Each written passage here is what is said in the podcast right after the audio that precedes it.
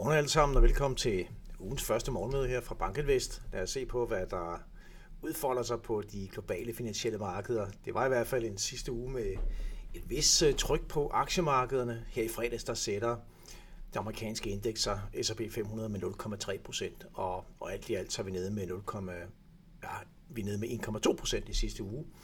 Ser vi på Stock 600 generelt på de europæiske aktier, så var der lidt plusser her i, i fredags meget marginalt på Stock 600 med 0,1 procent op.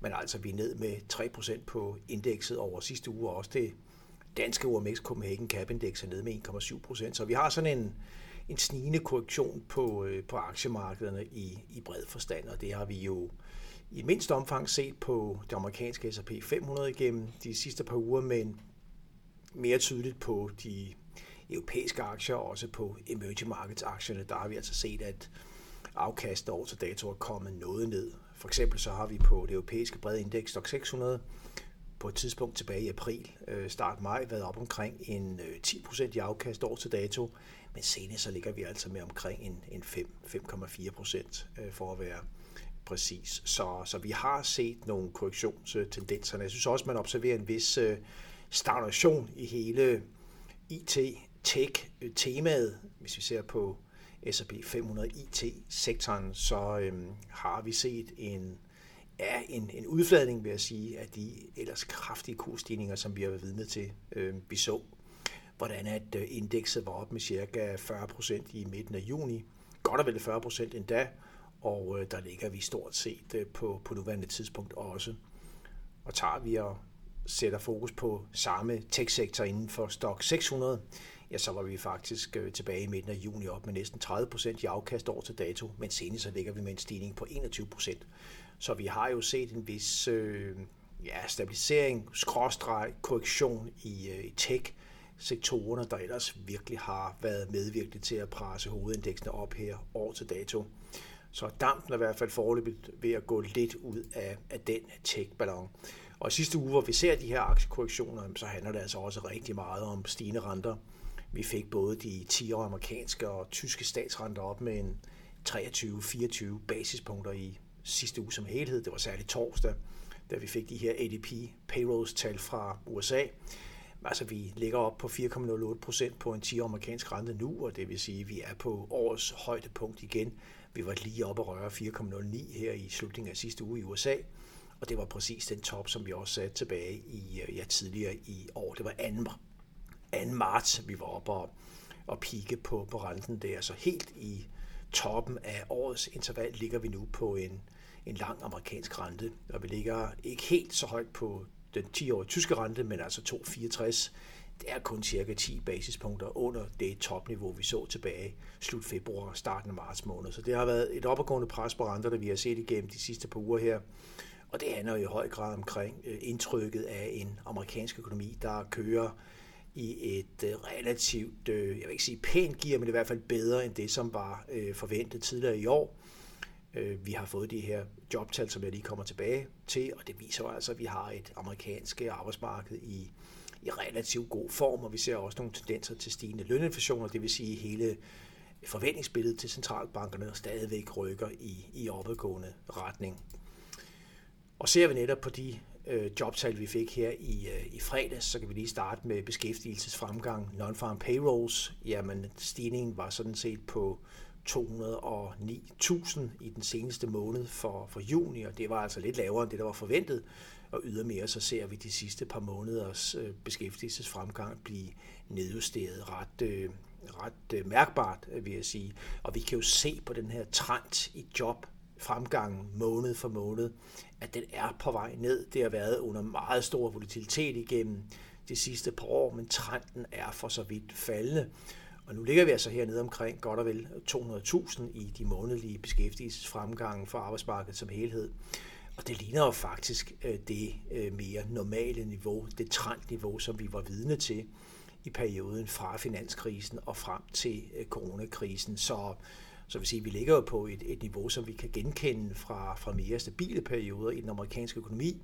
Vi kan også se samme øh, niveau tilbage i, i midten af, af nullerne. Så, men trenden er faldende i den her beskæftigelsesfremgang, og det vidner jo altså op et, op et arbejdsmarked, der kommer fra et, et super stærkt niveau til et stadigvæk rigtig pænt niveau, men bare ikke helt så kraftigt.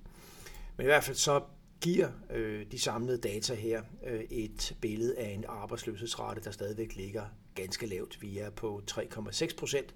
Vi har været lidt lavere her for nogle måneder tilbage, men 3,6 er jo et rigtig lavt niveau, og øhm, de gode folk i øh, de statistiske byråer forsøger jo at estimere, hvad så den lidt naturligt arbejdsløshedsniveau er, og det ligger på 4,4 procent, det vi kalder for NAIRO. Så vi har altså at gøre med en de facto arbejdsløshedsrate i USA, som ligger ja, omkring 0,8 estimeret under det naturlige arbejdsløshedsniveau, der hvor økonomien sådan set ligger og, og performer stabilt, og hvor der ikke er et underliggende hverken inflationært eller deflationært pres fra arbejdsmarkedet. Øh, og vi kan også se, hvordan at lønningerne i USA de, øh, de tækker lidt op. Øh, sidste måned ser vi den månedlige stigning i timelønningerne stige med 0,4 procent, og vi har forudgående set månedlige stigninger på 0,3 procent. Så vi ligger nu med sådan en, hvis vi analyserer de her løbende månedlige stigningstakter i lønningerne, så ligger vi med, med en analyseret løninflation på 4,7 procent. Og der har vi altså set niveauet til lidt op igennem de sidste par måneder her. Trenden har dog været faldende siden slutningen af 2021, men har altså trukket lidt op i den forkerte retning her i de sidste par måneder. Så en løninflation i underkanten af 5%, det må sige at være vel højt i forhold til en stabilisering af hele det pengepolitiske billede. Så vi har et arbejdsmarked, der stadigvæk presser på i forhold til, til pengepolitikken, og en Fed og en ECB, der stadigvæk flager, og der kommer renteforholdelser forud, og det har været med til at løfte renterne længere ud af kurven og medvirkende til at presse aktierne ned, ikke mindst i sidste uge. Vi kan også bare lige her konstatere, at forventningerne til den amerikanske økonomi er jo stadigvæk øh, er klart bedre end det, som var billedet, da vi gik ind i 2023. Prognoserne for væksten i USA i år ligger på 1,3 procent øh, senest. Det er tækket marginalt op fra 1,1-1,2 procent, men trenden har jo for så vidt siden januar været et løft i BNP-vækstforventningerne fra i år fra ja, næsten 0% til nu altså senest 1,3%. Så øh, beklager. Det understøtter i hvert fald øh, billedet af den amerikanske økonomi, der ikke sådan lige står foran en en recession, og det er også vores scenarie, at vi sådan set kan balancere øh, nogenlunde på en, øh, en, en vækstrate, der ligger lige omkring nulpunktet, øh, måske marginalt i plus, og altså at vi dermed undgår en, undgår en, en recession af det omfang, som, som mange har frygtet, og for så vidt stadigvæk frygter. Det er klart, at vi er til gode at se øh, den fulde effekt af de renteforholdelser, som er implementeret, som også ligger foran, hvordan det slår igennem mere bredt, men der er altså både svagheder og styrker i den amerikanske økonomi, der jo stadigvæk er verdens største med en samlet andel af verdensøkonomien på omkring 24-25 procent. Og apropos renter og inflation, så står vi altså foran øh, en uge her, hvor der kommer en række inflationstal. Vi har allerede fået offentliggjort noget her til morgen, øh, og vi har på onsdag, vil jeg sige, det absolut vigtigste nøgletal for den her uge, nemlig de amerikanske CPI-tal. Og det, der ligger forventet nu fra analytikernes prognoser, det er øh, ikke mindst en månedlig stigning i core øh, CPI, altså kerneinflationen renset for energi og, og fødevare, på 0,3 procent måned til måned. Vi kan se den lille grønne prik her på 12, og det vil være kærkommet, hvis vi kan komme ned på de her 0,3 procent i, øh, i kadence i de kommende måneder. Vi har faktisk ligget med månedlige stigninger på 0,4 procent øh, i de sidste 6 måneder, bortset fra en enkelt måned, hvor vi lige var oppe på, på 0,5. Så vi har haft den her kadence med en inflationsrate på gennemsnit stort set 0,4 over det sidste halve år. Og det giver altså bare en analyseret inflation på ja, op omkring de 5 procent, og det er alt for højt i forhold til en stabilisering af pengepolitikken. Så vi skal ned på de her månedlige stigningstakter. Det er vores klare forventning, at vi kommer ned. Timing kan være vanskelig. Lad os se, om det er det, der indfinder sig, når vi får tallet offentliggjort her på, øh, på onsdag. Det bliver rigtig, rigtig interessant og vigtigt, det her tal. Markedet har tydeligvis ud, udvist en stor sensitivitet i forhold til altså decimalerne på de her månedlige stigningstakter på, øh, på inflationen. Så det bliver på onsdag. Og, øh, og vi får også øh, inflationstal fra, fra andre lande, og faktisk her til morgen fået offentliggjort dansk inflation, der viser et yderligere dyk, i hvert fald på den årlige inflationsrate i Danmark er vi nemlig kommet ned fra 2,9% til 2,5% senest på den årlige stigning i forbrugerpriserne. Og Kina har også været ude med inflationstal her til morgen, og øh, man taler om, at Kina er på kanten af deflation, er jo interessant i en verden, hvor i hvert fald i den vestlige verden, hvor inflationstrykket er, er det dominerende øh, tema i opadgående retning, der har vi altså at gøre med Kina, som er på kanten af deflation. Vi har CPI ude i Kina med 0% stigning år til år, og vi har producentpriser ude, PPI, der viser et fald på 5,4% på en årlig basis. Så i det hele taget så har Kina slet, slet ikke været igennem det samme øh, inflationære pres igennem de senere år, som vi har set det i den, den vestlige verden. Og det, øh, det vidner jo om, at der er en form for overskudskapacitet i den kinesiske økonomi, der ikke er det samme lønpres. Øh, og så er der selvfølgelig også i Kina en, en vis grad af administrerede priser. Øh, man styrer øh, ikke mindst nogle af energipriserne i øh, Kina, og dermed har man også undgået de store bobler der. Men i hvert fald i Kina på kanten af deflationen, det er bare med til at styrke hele indtrykket af, at kineserne altså, de, øh, de har brug for en form for stimulans for at rykke økonomien i, øh, i bedre og stærkere retning. Her på slide side 14, øh, der kan vi lige se, hvad der egentlig er begivenheder i den her uge. Som sagt, inflationstal startende med i dag og kulminerende med på onsdag, hvor vi får de amerikanske CPI-tal. Og øh, noget af det virkelig interessante i den her uge, det bliver altså også øh, regnskabssæsonen for andet kvartal. Vi er så småt ved at tage hul på det. Der er nogle få selskaber i for eksempel S&P 500, der har offentliggjort regnskaber. Men det store startskud, som vi plejer at sige det, det er, når de tre store banker, de fyrer regnskaberne af, og det er JP Morgan, øh, Wells Fargo og Citi Group, der kommer med regnskaber her på onsdag.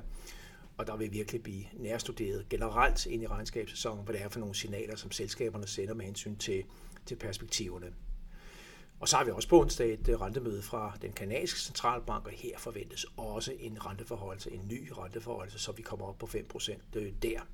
Og, øh, men ellers så, så bliver det altså en, en uge i inflationstegn, og vi slutter faktisk af på fredag med svenske inflationstal, og de har jo ligesom de britiske inflationstal viser og faktisk vise en meget, meget ubehagelig stigning i den underlige et, ikke den underlige, men den underliggende inflationstakt. Og, øh, og det er altså også med til at udfordre centralbankerne der. Og ikke mindst for Sveriges vedkommende, så har vi set et betydeligt pres på den svenske krone. Så masser at tage hul på i den her uge, hvor vi her til morgen starter med røde tal på aktiefutures igen. I hvert fald på de amerikanske, der er vi nemlig nede med 0,45 procent i øjeblikket. Og DAX-futuren ligger også nede med 0,3 procent. Det vidner om, at vi nok får en let rød åbning på de europæiske aktiemarkeder. Og altså en amerikansk rente, der ligger op på en 4,07 procent i toppen af det range, som vi har set her år til dato. Og med det så skal jeg tak for, at I var med her til morgen. Ha' en rigtig god start på ugen. Vi er tilbage i morgen tidligt.